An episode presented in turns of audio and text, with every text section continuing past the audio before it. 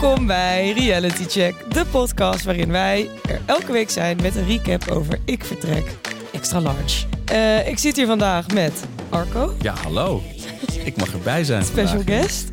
En met Timo. Hallo, ben er weer. Uh, en yours truly, Til. Arco kennen jullie onder andere misschien van uh, Alle Geschiedenis Ooit. En niet te vergeten Pak Schaal, de podcast. Ja, een podcast over geschiedenis en een eentje over Ajax. Jij bent groot Ik Vertrek fan. Uh, je hebt speciaal voor vandaag heb je een lijstje van je favoriete afleveringen ooit meegenomen, heb begrepen. Dat is correct. Die heb ik altijd paraat. maar het is, uh, ik, ik, zit uh, inmiddels, oh, hoe treurig, alweer 13 en een half jaar op Twitter. En ik denk de eerste drie jaar deed ik niet zoveel anders dan hashtag ik vertrek twitteren. Maar als ik dat dan teruglees, ik vind mezelf nu opeens best wel gemeen. Het, ik, ik, was altijd aan het, aan het schadenfreude, uh, uh, aan het genieten met het kijken met ik vertrek. Maar misschien dat ik een beetje een oude, oude emotionele zak aan het worden ben. Maar ook vooral omdat ik zelf nu ben begonnen aan een verbouwing. Slash uitbouw van mijn huis. Ah. Dus je weet hoe het is. Heb ik wel wat meer begrip voor deze mensen gekregen in al die afleveringen. Ik denk opeens, ja, wat, wat stel je voor, hè? Ik bedoel, ik vertrek natuurlijk zo leuk, omdat die mensen aan iets beginnen dat je denkt, haha, je weet echt niet wat je jezelf aandoet.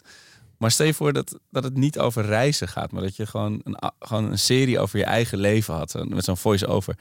Til heeft al drie weken niet ter gas en licht betaald. ze moet nu toch echt even dat ene telefoontje doen. Maar waarom doet ze dat niet? Weet je? Van iedereen valt zo'n serie als Ik Vertrek te maken. Dat maakt het misschien ook het erge. Alleen omdat deze mensen naar het buitenland gaan, kun je, het, kun je zeggen, ja, uh, wat een dom, wat een rare ja. keus. Wat een, wat een moeilijke keus. Maar voor mij, daar komt hij, de absolute top 5. Uh, top 5? Top 5. Oké okay, jongens, ga er klaar voor zitten. op 5 hebben we de nudistencamping in Hongarije van Alex en Martina. Ik heb hier zoveel over gehoord. Ja, ja dit is echt een top. dit blijft terugkomen. Rioolopzichter Alex en voetreflextherapeut Martina. Verruilen Oosterhout voor Tissa Furet in Hongarije. Ze zijn als een blok gevallen voor de omgeving rond het Tissameer. Omdat je je daar met een beetje fantasie in de Biesbos waant. Maar waarom ga je dan naar Hongarije verhuizen omdat het je dan zo aan thuis doet denken? Ik bedoel, wat is dan het voordeel? Ze hebben een boerderij met een stuk grond gekocht en willen een naturistencamping of een spiritueel centrum beginnen. Daar zijn ze nog niet helemaal over uit. Eén ding weten ze zeker, met hun vertrek hopen ze op een stukje bewustwording.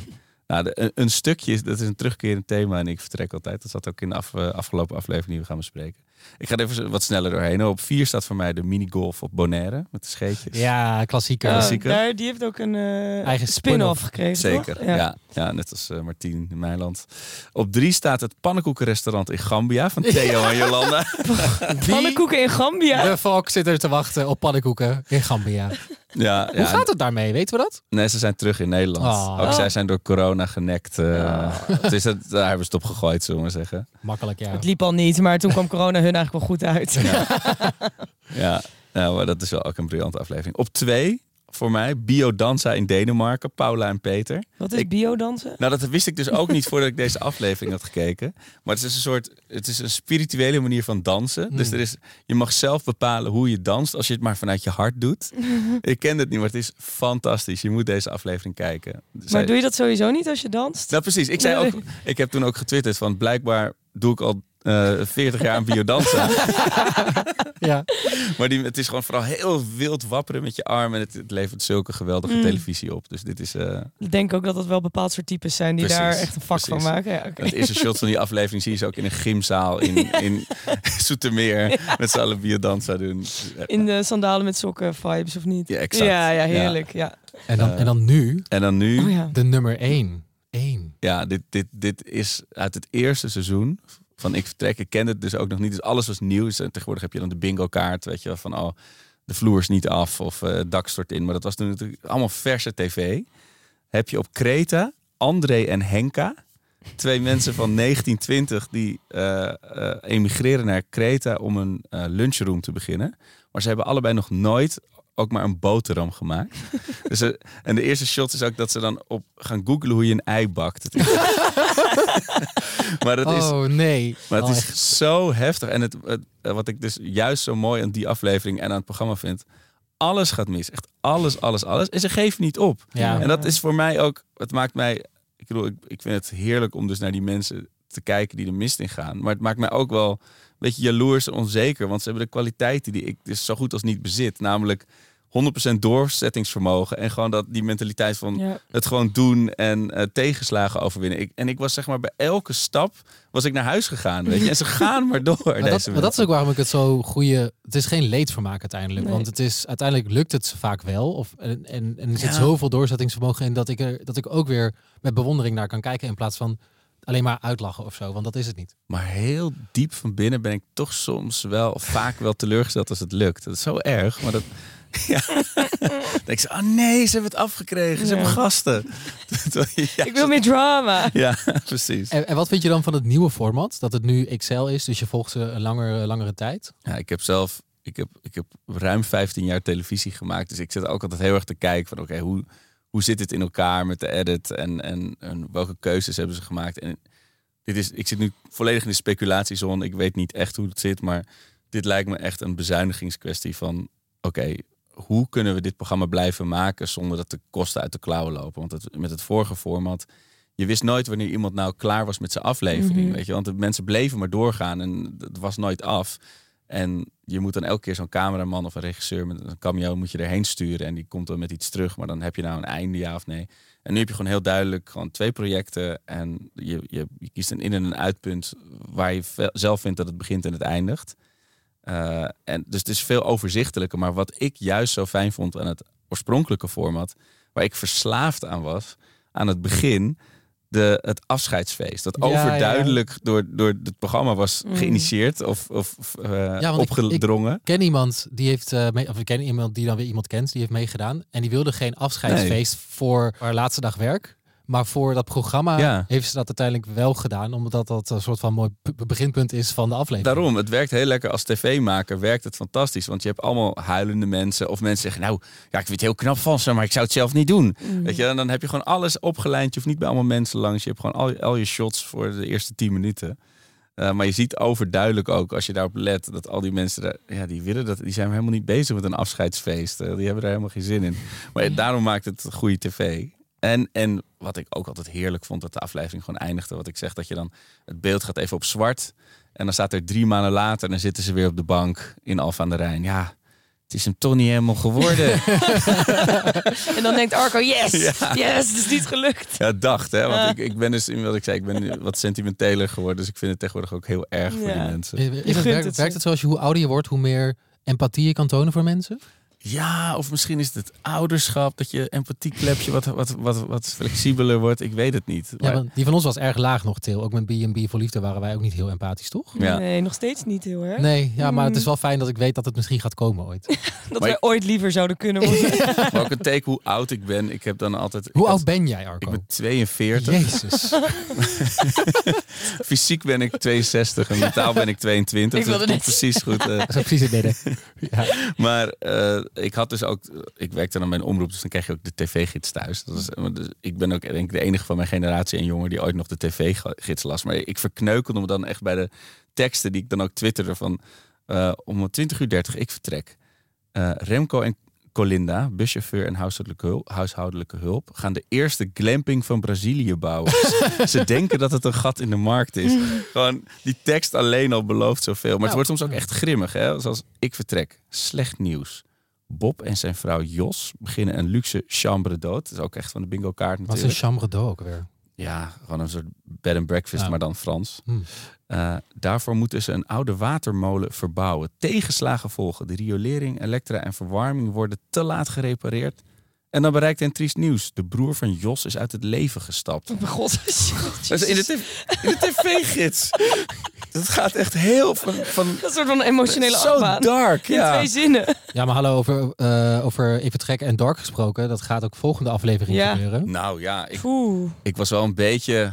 En ook daardoor wel een beetje teleurgesteld door het, door het einde dat ik deze aflevering was uitgenodigd. en niet de volgende. Jammer. Die zit net voor de drama. Maar goed, Ja. ja. Zullen we beginnen met het eh, nabespreken van aflevering 4? Aflevering 4. Oké, let's go.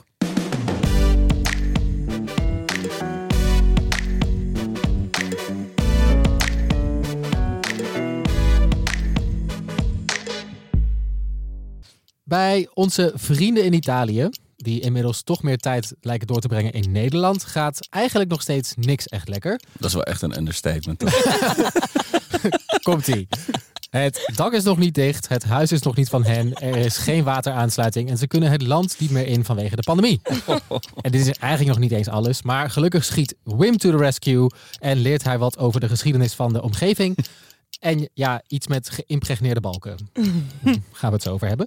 In Bonaire channelt Francine haar inner Bonaireaan en zien we een agressieve kant van Rinsen. Zo, ja. Gelukkig komt het niet tot een kookpunt, want de lening van de bank kan eindelijk worden ingediend. Eh, en Fabienne en Jan moeten elkaar zes maanden gaan missen.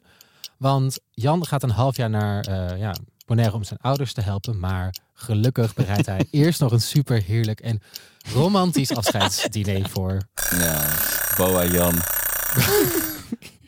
Dat is, baas. Jan is niet Boa, toch? Nee, dat was Rinsen. Oh, Rins was de Ja. Boa. Jan is elektricien. Oh, ja, dat verklaart een hoop. Ik vond hem al zo handig. Ja. Aha. Laten we beginnen bij onze vrienden in eh, Italië. Daar gaat echt alles fout. En eh, nog steeds. In de eerste vijf minuten al. Andrea blijkt geen makelaar te zijn. Dat is echt zo'n heerlijke bombshell. Ja, gewoon in de eerste vijf minuten.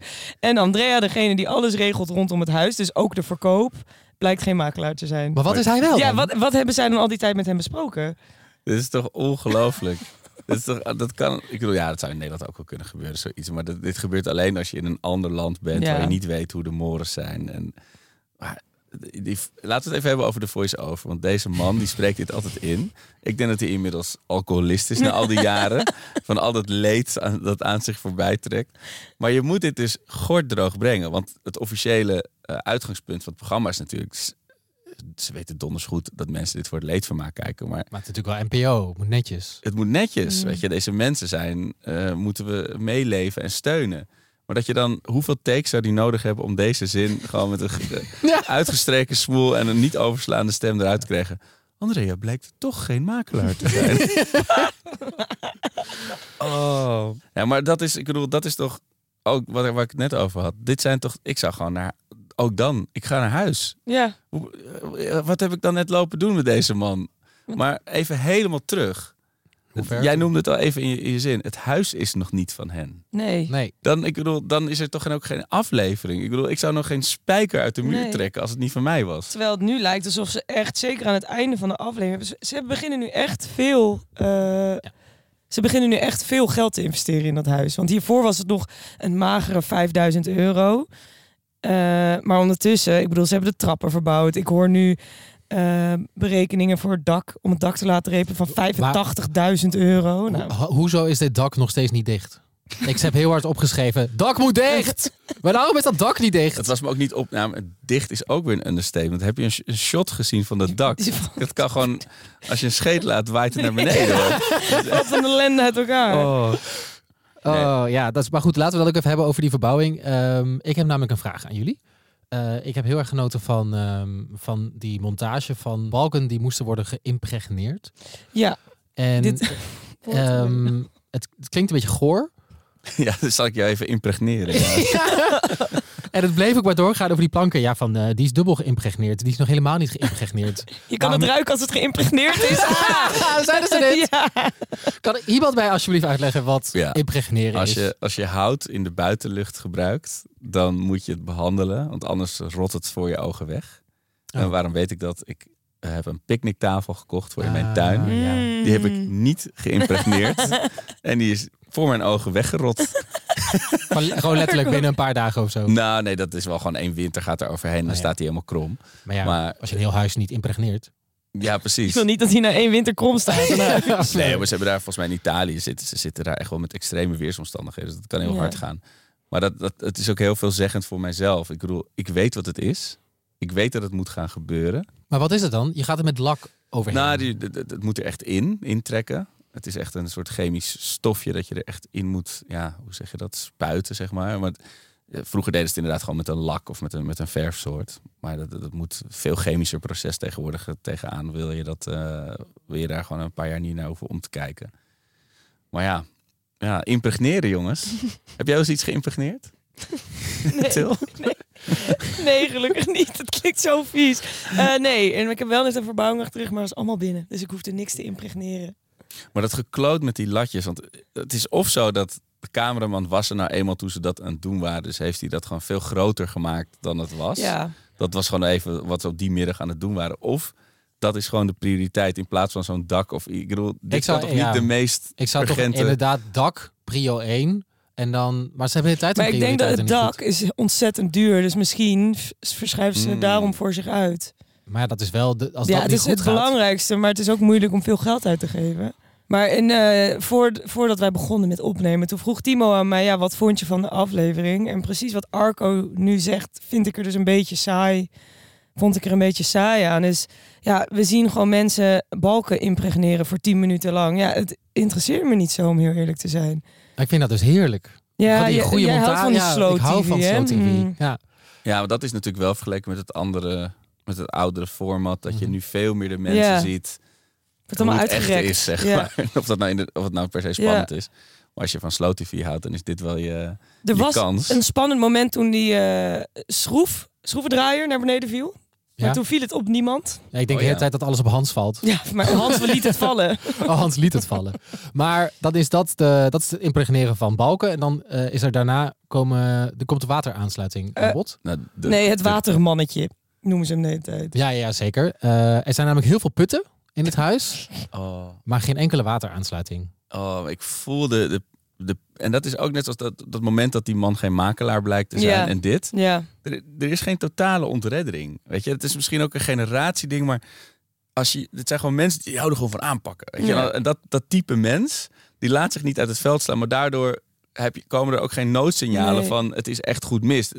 Dat- Als je gewoon de hele tijd denkt, als ik maar mijn mouwen opstroop en ik, en ik ga door, dan komt het goed. Maar dat is niet altijd een soort zo. van neoliberale mindset. Ja. eh. van als je maar hard genoeg werkt, Ja. kom je er wel. Nou maar, ja, eigenlijk wel. En, maar ook zoiets met dat, met dat totale gebrek aan waterleiding. En wat, waar, waar- wat kost ook geloof ik weer minstens 30.000, Ja. oftewel 60.000 euro.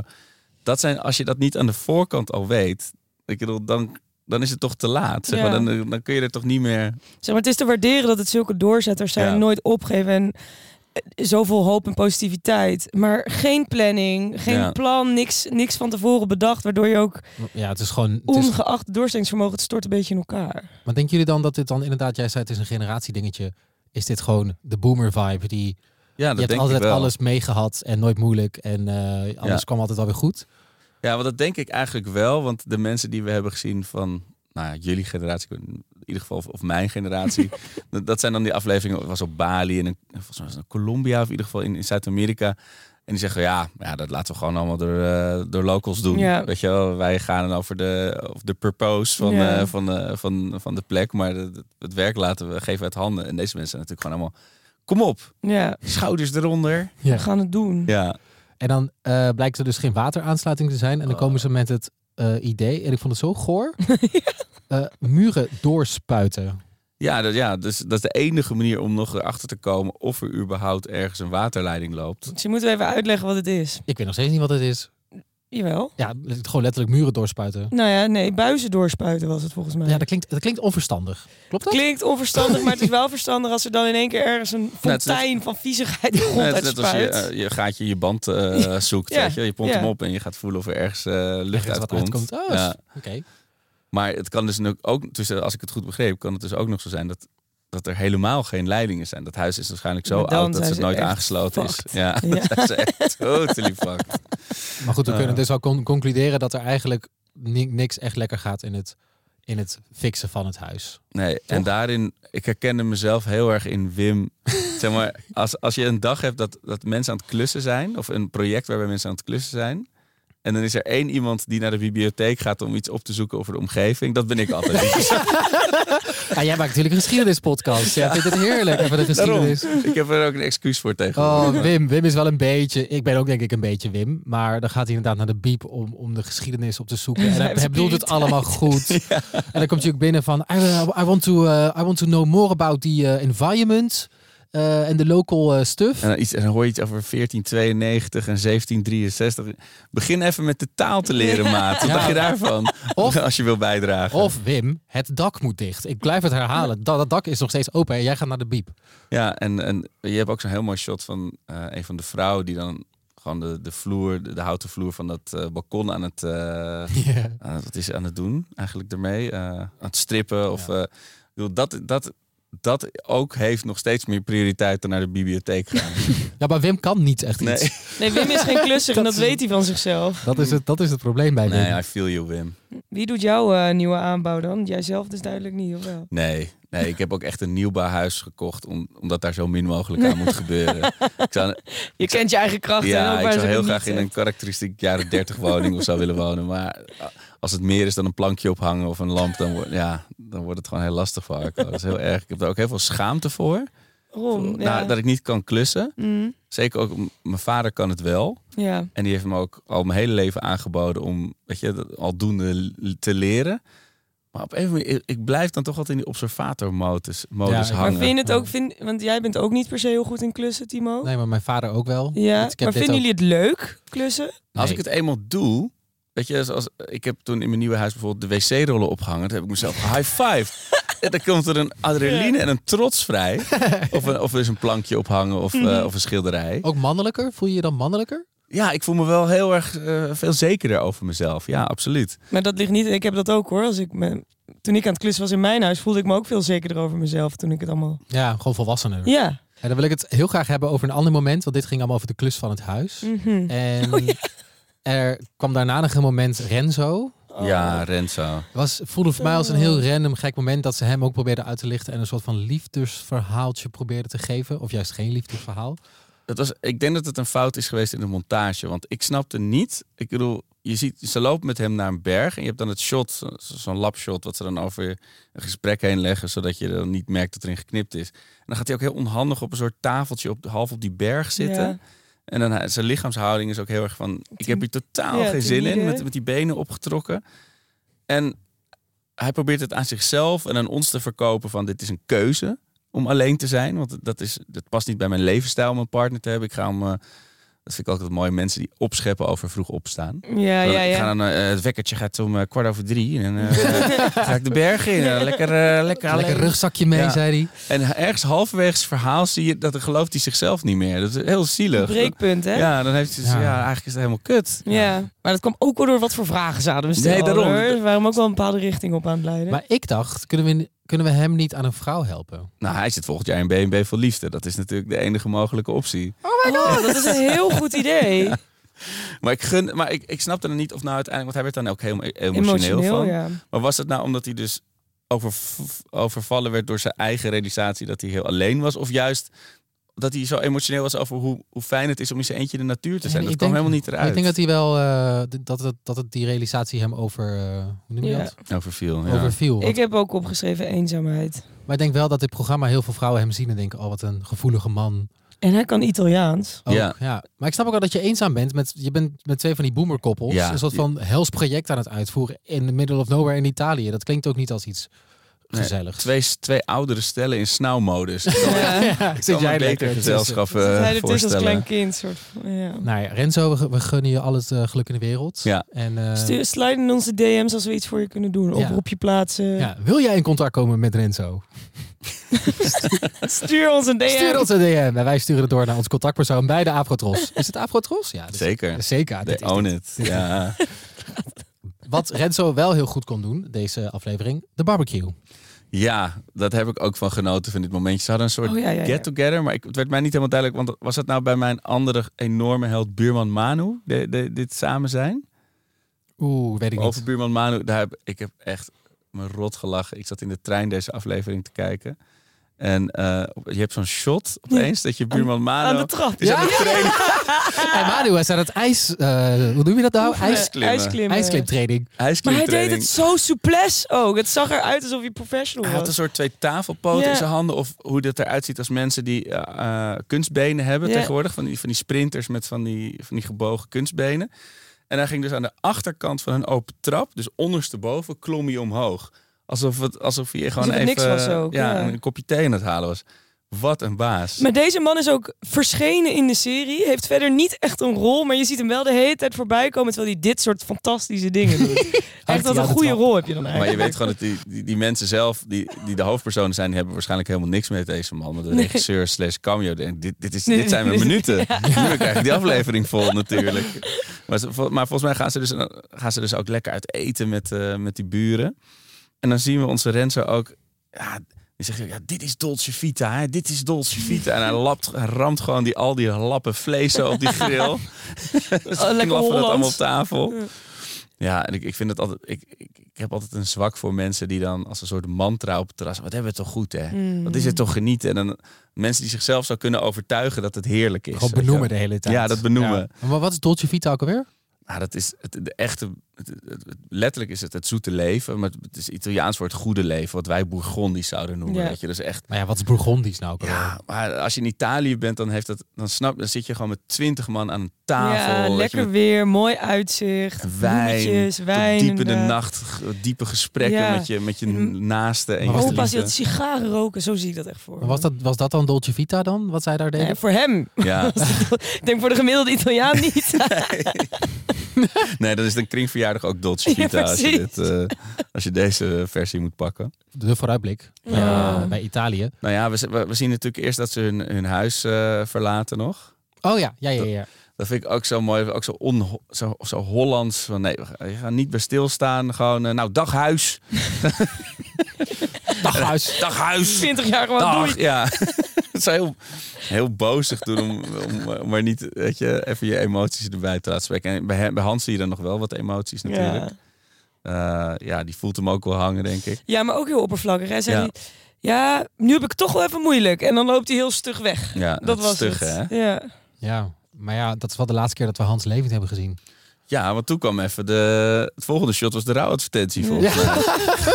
Oh, het is niet grappig. Nou ja, het is wel grappig. Alleen de gebeurtenissen niet grappig. maar Hoe ze het in beeld hebben Ja. gebracht is Ja. hilarisch. Maar ja, ik vind het... Want ze, ze hebben dat natuurlijk terug moeten monteren. Want ze wisten dus inderdaad al dat die man dood was. Ik bedoel, ja. hoe ga je dan... Want je bouwt wel zo'n karakter op in zo'n serie. En, Ja. en hoe ga je daarmee om? Het is wel pijnlijk hoor. Ja, maar ook de afgelopen, ook deze aflevering vond ik hem wel alweer wat minder aanwezig dan aan het begin. Want hij zit ook veel en zegt niet zoveel omdat hij dan zo moe is. Maar wat is, even helemaal uitzoomend. Hè? Wat is nou de motivatie voor mensen om mee te doen aan dit programma? Ik heb dat nooit begrepen. Je, je, je nodigt een cameraploeg uit op het moment in je leven Dat, dat je je, iets heel moeilijks dat je doen. echt heel erg uit je comfortzone bent. heel erg hard kan falen. Heel veel stress hebt, moe bent. eh, eh, heel veel, ja, wat je zegt, fouten aan het maken bent. Is het ook niet een beetje de, toch wel de PR die je krijgt? Want echt anderhalf miljoen mensen zien jou, eh, je, je bed and breakfast. Maar Ja. denk je dat, dat zij zo ver vooruit hebben gedacht en dachten, ja, want dit is uiteindelijk goede En- reclame? Ik denk het wel. Nou ja, dat weet ik, want ze denken voor de rest nergens vooruit. Dus ik weet het niet. Maar denk je ook niet dat zij geld krijgen om mee te doen? Zover ik weet is dat niet zo. Nee? Dat vroeg ik me altijd af. het weten. Ja. Zover ik weet krijg je eh, geen eh mee, meedoe eh, bijdrage of zo. Nou, ik ken ik, de ik heb heel lang het programma Drie op reis gemaakt en de cameramensen, dus mannen en vrouwen die daarmee gingen, die draaiden ook veel voor ik vertrek. Eh, maar als je dat dan ook hoort, weet je wel, ja, je moet die, die mensen moeten hun eigen keuzes maken. Dat is niet aan jou om eh, regisseren, om, ja. om de, in te grijpen natuurlijk. Eh, Dat, dat is ook regisseren, maar je kan wel zeggen van wil je dat nog een keer vertellen, maar niet van dit is geen makelaar.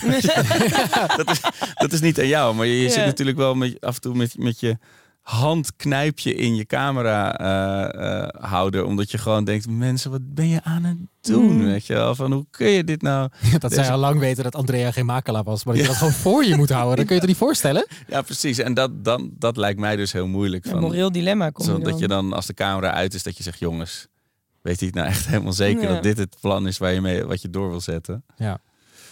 Goed, naar Bonaire. Zullen, zullen, zullen we naar Bonaire gaan?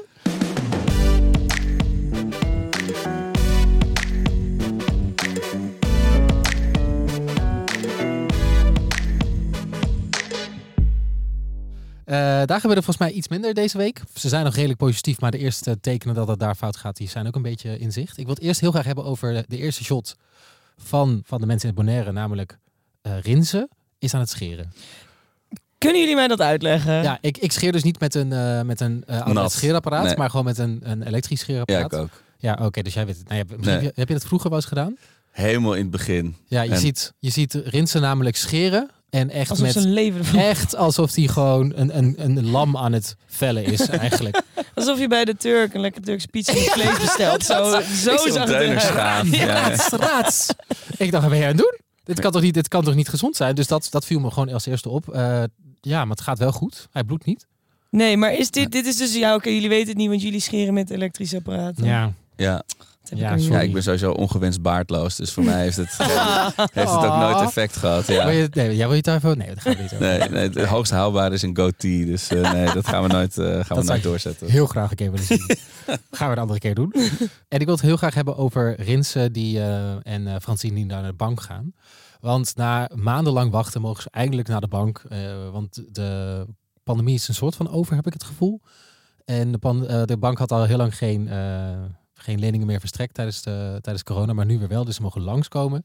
En dan zijn ze op weg en zitten ze in de auto naar de bank. En dan komt ineens de ware aard van Rinse naar boven. Hebben jullie dat gezien? Ja, en dan voel je, dan voel je hoeveel spanning er op zo'n persoon en op zo'n project natuurlijk Ja, staat. Het hangt Je- daar allemaal van af. Ja, en ik kan, want hij zegt dan in de camera wat je zelf dan op dat soort momenten ook zou denken. Alleen dat- dan komt het niet op tv. Maar het is natuurlijk heel erg inderdaad zo van. Hou me niet tegen, hou me niet Mm. tegen. Weet je, Ja, het is meer een soort, soort uiting van zijn wanhoop. Van wat, wat nou als ze nee zeggen, weet je wel. Ja, dan had hij dus echt de tafel opgetild. Volgens mij had hij die gast gewoon bij zijn kraag ge- gegrepen en tegen een muur aangegooid, Ja. denk ik. Had ik graag willen zien. Ja, dan, wil je toch bij, dan had je toch heel graag gewild dat een cameraman meeging naar dat gesprek. Ja, wat ze en vaak. helemaal escaleerde. Wat ze nog wel eens hebben geflikt met dat soort dingen in het buitenland, is dat ze eh laten ze die mensen zenders dragen Ja. en dan film je alleen het geluid. Ja. Ehm, maar dat is dan in Frankrijk, want die, de kans dat iemand dat terugziet is minimaal. Maar dit is natuurlijk onderdeel van het Nederlands Koninkrijk, dus dan kun je niet Oh, flikken, dus daar kan je niet meer weg. Nee. Oh, wat grappig. Ja. Eh, maar inderdaad, dat, dat, dat, dat is het lastige met dit soort tv. De sleutelscènes kun je, heb je niet altijd eh, eh, onder controle. ja. Net als het gesprek met Andrea in Italië, de nepmakelaar. Oh ja, die wilde ook niet meer in beeld. Nee, die wil- eh, was dit hetzelfde. Maar goed, toen kwamen ze eh, terug van die afspraak. En ik moest zo lachen, want eigenlijk was het geen goed nieuws. Maar ze verkondigden het als goed nieuws. Ja. Ja, Maar het was ook geen slecht nieuws. maar het was ook zeker geen goed nieuws. Het was geen harde nee nog. Ik denk dat zij ook weer, deze, zoals zij ook weer boomers zijn, dat ze weer dachten, oké, er is nog hoop in ieder geval. Ja, maar ze dat hebben het goed als vooralsnog niet aangevraagd. Dus het is, het is dichter bij een nee dan een ja. En alsnog komen ze dan bij hun kinderen en zeggen ze... Nou, eh was een heel goed gesprek. Hoeven maar drie weken te wachten. Oh, Maar kan ook min. Nou, ja, maar dat, dat bedoel ik. Eh, Misschien ben ik gewoon veel te, veel te veel het glas half leeg typen. Maar voor mij zou dat echt het teken zijn van ja, dit gaat. De kans dat het doorgaat is zo klein. ja. Maar ja, zeg, maar dan gaat moeder op in de elementen. Oh, dat was zo leuk. Dat was zo leuk toen dat gebeurde. Ja, dat is leuk. Maar ik heb nog steeds die uitspraak in mijn hoofd van Mm. dat zij zegt van binnen voel ik me een donker typetje. Zei Ja. ze in aflevering 1. Ja, exotisme. Ja, ja. Ja, dus elke keer denk ik, oh schattig, maar ook een beetje eeuw. maar, het- maar het- Ehm. er zit, zover ik kan bespeuren in de beelden, wel heel veel oprechtheid Ja. in. Ja, dat je, ja, dat is waar. Eh, en dan, dan ook met, eh, met dat koken en zo. Met een soort onduidelijke, groezelige Ja. rijstepaptaart die dan wordt voorgeschoteld. Wat, wat was dat? Ja, toen, ze had iemand ontmoet Ja. in de kerk. Ja, Eh, want eh, zoals Rens haar noemt, ja, Francine is een spiritueel typeje. ja, mooi. Daar had ze dus iemand ontmoet en daar had zij eigenlijk gewoon direct een klik mee. Toen is ze met haar mee naar huis gegaan, toen gingen ze samen koken. En toen kwam er inderdaad een soort van rare Cement. rijsttaart, cementachtige taart eh, op tafel. En dan opeens deze, die schoondochter opeens in beeld die Ja. daar een beetje tandpasta aan het smeren is. Die zag er zo ongelukkig uit achter dat ding. Maar Oh. volgens mij had Francine het helemaal naar haar zin. En wat Ja. ik daar wel echt leuk aan vond, is dat ik ook het gevoel heb dat Francine heeft het vanuit zichzelf naar haar zin. Maar ze vindt het ook oprecht belangrijk om op deze manier contact te maken met de eilandbewoners. Ja, en de eilandbewoners hebben natuurlijk ook, zeker op die ABC-eilanden, die hebben, het is daar een komen en gaan. Die, dat Ja. is gewoon één grote ik vertrek aflevering, Ja, die, die, eilanden. Hè? Want er komen elke week wel. Ja, nee, maar ook gewoon mensen die daar, al die Hollanders. Oh, er kom- komt er weer een paar. Die willen weer eh, een hotelletje of een B&B openen, weet je wel. Mm. En dan gaan ze weer. En ja, die zijn dat zo gewend. Nou ja, dat zou je denken. Maar dan ondertussen zie je wat Oscar gebouwd heeft. Oh. Dan denk je, nou, Oh, jij bent dat is- duidelijk niet gewend hoe je iets moet maken. oh, maar ik kan die Oscar niet meer uitstaan. Ik vind hem vreselijk. Echt wat peperreeën reed. Ja, precies. Dat heb ik ook opgeschreven hier. Ja, toch? Alsjeblieft, iemand steekt wat pepers in die reet van deze man. Ik irriteer me echt kapot. Ja, ik denk, ik denk gewoon dat hij echt niet intelligent genoeg is voor dit soort Nee. dingen. Hij, kijk, als je in zijn ogen kijkt, zie je gewoon niks gebeuren daar, hè? Zo'n aapje, weet je. wel. Ja, Zo zo van die-. Ja. Met van die bekken. Oh, wat kan ik die gast eh, inderdaad... Denken jullie dat dit goed gaat komen? Want Ja, dat is toch, in het vooruitblik... was op het laatst, toch? Oh, Ja, dat is Oh, sorry. Ja. Oh, wow, sorry. Je Je moet er wel voor- een format... eh, Je hebt, het, je hebt het format scherper, Arco, dan Ja. ik. Nee, maar Eh, het, is gewoon, het is allemaal zo. Je hebt het beeld van jezelf dat je naar een tropisch, subtropisch eiland gaat verhuizen. Ja. Palmbomen. Elke dag zand tussen je tenen. Ja. Slipperbestemming. Nooit meer een lange broek aan. En dan heb je een chemisch toilet legen op een betonnen werkplaats. in een container wonen. Oh, Een ezel die er plotseling... ratten onder, eh onder, onder de Ratten zo groot als katten. inderdaad. Ah. Living the life, living the dream. En komt daarna er geen stopcontacten scène? ja. Dat, dan hebben ze de, de, de betonnen eh, buitenwand van het pand. En er zitten, op zich komen ze er net op tijd te- achter dat er helemaal geen rekening is gehouden met stopcontacten. En dat, zoals, zoals Jan dan ook zegt, is een stukje communicatie. Er is een stukje mis. Je kan merken dat er een stukje mis is gegaan. Een stukje, ja. Ik denk, goed dat, ik denk het goed dat Jan daar even zes maanden gaat wonen. Ik denk dat die Ja. wel iets meer van Voor de ouders weet. wel, ja. Ja, dat is heel... Ja. Ik denk niet... Het is niet per se de meest gezonde keuze. Want hij neemt de rol van de ouders over, hè.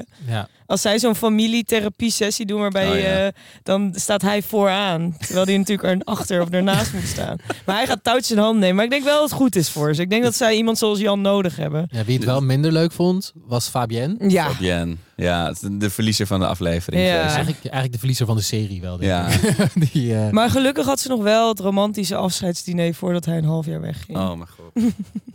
Oh, het een, ik heb echt zitten schreeuwen tegen mijn, tegen mijn beeldscherm. in de trein. In de stiltecoupé, hè? Van NS zat hij dan. Ja, eh, het was ook nog in Engeland, maar het was echt zo dat hij dan ook zo zegt. Nou, geniet er nog maar even van. Mijn hamburgers. Echt alsof dat zijn cadeau aan haar Hij, is. hij was zo tevreden met zijn hamburgers. extreem. eh, ja, hij had, ik, ik weet ook gewoon hoe dat in je mannenbrein werkt. Van, ik heb hier zin in. Dus moet zij hier ook minstens net zoveel zin in hebben. Dit is wat zij nu nodig heeft. Nee, Jan. zij, zij begint over. Ze zegt. Gaan we wel elke dag contact hebben? En hij zegt, ja, dat is wel de intentie. Oh, Oh, dat gaat sowieso niet gebeuren. Dat weet je nu al. Dat is zo geen harde belofte. En zij wil gewoon antwoorden. Gewoon, of in ieder geval het erover hebben van hoe gaan we dat doen Een dan? beetje zekerheid. Ja. Nou, maar dat is ook heel logisch. Je Ja. wil gewoon wel even afspraken maken. Want voor zes maanden, ja, kijk, dat, dat, dat is. Ja, ik zou zeggen, vlieg zo voorbij. Maar dat is niet, dat vindt niet iedereen zo. Nee, maar ik. zij loopt duidelijk met de ziel Ja. onder de arm. Ja. Zij wil gewoon gerustgesteld worden. En het is, al, het is al zo ongemakkelijk dat je dit moet bespreken met een camera erbij. Weet je, dat, dat, dat moet je voorstellen je eigen leven. Dat je gewoon even Moeilijk pijnlijke gesprek, dingen thuis. ja. En dan staat iemand zo... met een dikke lens in Ah, je, in nek. links kijken. Ja, Kun je dat nog eens doen, alsjeblieft? Ja. Je Oh, straks, maar. weet je, zegt straks, ik ben straks alleen elke dag. Hij Ja. Lekker dat hamburgertje Ik neem, ik neem nog een tweede. Dan gaat hij zo weer naar die keuken. Maar hebben jullie ook gezien hoe groot die happen waren die deze jong... Ik, daar moest ik zo om lachen, want op de duur stopte hij dus die burger in zijn mond. En toen werd er gekut. En toen dacht ik van ja, waarschijnlijk was hij zo aan het smakken. Dat er zoveel burger in zijn mel dat hij geen gesprekken meer kon voeren. Ja, ik, zat, ik had ook zijn, beroem, zijn beroemde hamburgers. En dan zie je echt zo'n zo'n zakje supermarkt Ja. sla. Ja, en een ja. rauwe ui. De meest niet-biologische vlees dat je kan uitkiezen. Nou, dat zijn, weet je, maar dat, dat, dat zijn allemaal dat, dat dat zijn keuzes waar ik geen oordeel over heb. Als dat voor hun, als, Ja. het, nou- als zij dat nou wilden, weet je, dan is, heb ik daar geen oordeel over. Maar het was, hij was zo overduidelijk zijn eigen dingen aan het doen Mm. en allemaal helemaal met zijn hoofd op Bonaire. Ja, maar dit is wel een terugkerend thema in reality tv. Want bij B&B Liefde zagen we dit ook. Het idee en het concept van een romantisch diner. Door ogen van Nederlanders te- gaat iets mis. Want hoezo denkt hij dat het romantisch is om dus van die hamburgers te eten? Niet de eens bank. niet op de bank, Ja. voor de tv eigenlijk. Want die stond nog net niet aan. Ik bedoel, een beetje kaarslicht Ja, maar en dan Ik Oh. denk serieus dat ze de tv hebben uitgezet omdat het anders interfereerde op de camera. Weet je, Ja, dat de dat denk- cameraman dat heeft gezegd, wil je het uitzetten? Anders had Alsjeblieft. hij gewoon aangestaan. En toen moesten ze wel een gesprek voeren met Want bij B&B voor Liefde gebeurde dit ook een keer. Weet je nog? Dat eh, bij Simone ging koken voor Martijn. En ook met een soort van eh knoflookbrood en Oh pompoensoep. mijn god. Oh ja. Ook het meest oninspirerende gerecht. Oké, maar daar mag ik daar niet over oordelen. Maar het was ook niet... Maar dat was wel iets romantischer dan dit. Want daar Ja, was het tenminste een tafel waar ze gewoon normaal aan konden zitten. Ja. In plaats van eentje waarbij ze bijna op hun Ja, buik moesten liggen om te eten. Over gefaalde romantiek gesproken. gesproken. heel benieuwd. Ik weet nog wel, toen ik, ik was toen 16 en ik ging met mijn vrienden twee weken naar Salau. Leuk. Eh, maar ik had een vriendin. Dat is natuurlijk sowieso een hele ongelukkige combinatie. Naar Ja. Salau gaan twee weken en een vriendin hebben. Eh, maar goed, eh, eh, allemaal prima gegaan. Maar ik dacht, ja, ze heeft me toch twee weken gemist. wat kan ik nou voor er meenemen uit, uit Salau? Een, een romantisch souvenir. en toen heb ik dus, toen kwam ik thuis. En, nou, sowieso heel fijn om elkaar weer te zien. Ja. Nou, is er echt niks gebeurd? Nee, echt niet. Nou, twee weken is ook echt al lang als je 16 bent. Is, is halve leven is dat, Ja. joh. Maar, eh, en toen haalde ik uit mijn tas een Tweety ring. Nou, daar had je Jan heel blij mee daarom, gemaakt. daarom, dacht, ik- daarom dacht ik er ook aan. van Tweety, ja. ja, ik, daar- ik zie hem daar ook wel mee thuiskomen hoor. Oh. En ook hier eh, bij de vooruitblik belooft ook niet heel veel goeds. Volgens mij zitten ze er ook zelfs, zij zitten nu te twijfelen of ze, niet, of ze naar huis moeten of niet. Dus dat gaan we volgende week zien. Volgens, volgens mij wordt volgende week echt een knaller van een aflevering. Ja, Ehm, ja we, we hebben, ik heb eh, Je hebt, het meest geprobeerd te maken van de tussenaflevering. heb, je, heb je heel goed gedaan. Dankjewel daarvoor. Maar dan is nu dus het rubriekje. eh, wil jij het schreeuwen? Nee, nee, dat is jouw. Is eh, dat mijn jouw ding? Is dat mijn, of wil jij het schreeuwen, Til? Nee, want ik heb... Nee, slecht voor mijn stem. Oh. Oké, Nee, zal, ik, nee. zal ik het dan doen? Nee, ik kan het ook wel doen. Ja, nu Oh. wil ik het wel doen. Oké. Oké, ik doe het toch wel. Kom, doe Met het. z'n drieën tegelijk? ja, dat is Oh, ook goed. Oké, dan gaan we helemaal in overdrive. Drie, twee, één. Gaat dit wel goed komen? Oh, echt. Iedereen bloed uit iedereen's oren, denk ik. Maar dat maakt niet uit. Drie Laten we, mensen de vangrail ingereden. laten we beginnen bij Italië. Gaat het goed komen? Ik, ik denk eigenlijk dat het wel goed gaat komen. Want ik denk dat ze door het overlijden van Hans eh, misschien nog wel meer drive krijgen. Ja, dit is wel zijn droomproject. Hè? Hij wilde heel graag naar Italië. En het is dan heel mooi als je dat dan kan afmaken. Dus ik denk dat het wel gaat lukken. Arco, wat denk jij? 0% vertrouwen. Dat 0%. 0%. Ja, jullie hebben het over wilskracht. Dit gaat niet over wilskracht. Dit gaat over 80 erfgenamen die gewoon rustig aan het wachten zijn tot iemand gratis hun huis heeft verbouwd. Ja, maar- Als het dak wij- erop zit, dan komen ze. Ja. Daarom wachten ze misschien. Het dak is nog niet Ah, nee, maar wij zijn wel van de generatie manifesteren, hè? Toch? Ja, Of is dat weer onder ons? nee. Ons wij wel een beetje. Wij Nee, moeten maar- manifesteren met alle treurige toekomst. eh, Twee erfgenamen had ik nog wel vertrouwen in. Maar 88. dat je ze alle, alle 88 meekrijgt, no way. Oké, en Bonaire? Weet ik niet. Ik, ik, ik zie de, de lening heel somber in. Ja, maar ja, dan, dat is wel een beetje waar het van afhangt. Dat is wel heb ik het klein, klein cruciaal onderdeel. Ja. Ja, ja. maar ik zie, ik zie deze mensen nog wel vier jaar in een container wonen hoor. Ja, met heel veel geluk. Ja. Dat wel. Dus Ja. ik, ik heb nog steeds daar ook wel het gevoel dat het goed gaat komen. Eh, jij, Til? Ik ook, want ik heb het gevoel dat Francine zich daar helemaal thuis voelt. Of ze nou in een container woont of in een dure B&B. Ja, Ze moeten gewoon een hamburgertent daar beginnen. oh ja, Jans Hamburger tent. nou, wat een goed idee. In plaats van dat kinderdagverblijf. Daar heb ik ook al niks meer over gehoord. Naast de. Ja, oh ja, die. ja, daar hoor je eigenlijk niks meer over. Hoe ze dat nou gaan doen. Nou ja, Ja. dat is misschien ook niet nu Wist jij dat. Arco? Echt geniaal. Ja, ik heb zo gelachen. Toen ik, ik heb dat bij jullie gehoord inderdaad. het idee om de, om de, de delinquenten dan Ja. de dag kinderdagverblijf te laten runnen, helemaal top. Ook nog een idee. Zou jij jouw kinderen daar naartoe...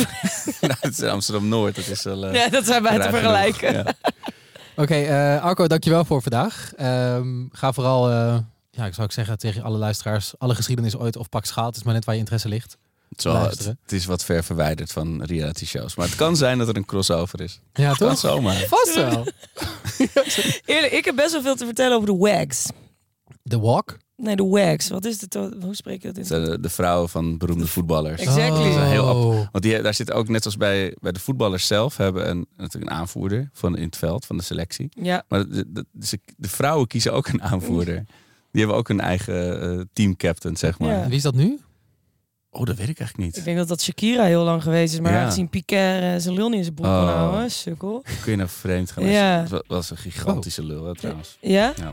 Oh, dat, dat- ja, dit, dit is weer kennis. Kijk, Ja. dit bedoel ik. Daarom moeten we deze crossover Ja. doen. Wow, ik zie hier gewoon een idee ontstaan. Oké, nou dankjewel. Gaan, houden, houden, we voor andere- houden we voor een andere keer. Dit was eh, Ik Vertrek voor deze week. Wil je met ons napraten of moet je echt iets kwijt? Wij zijn natuurlijk te vinden op Instagram als realitycheck. Laagstreepje de podcast. Sluit vooral even onze DM's. En volg ons natuurlijk op TikTok. Daar zijn we ook te vinden. Linkjes vind je allemaal in de beschrijving. En wij zijn er volgende week weer met een, ja, ik denk wel heftige aflevering. Ik Vertrek. Dus eh, tot dan. Tot dan.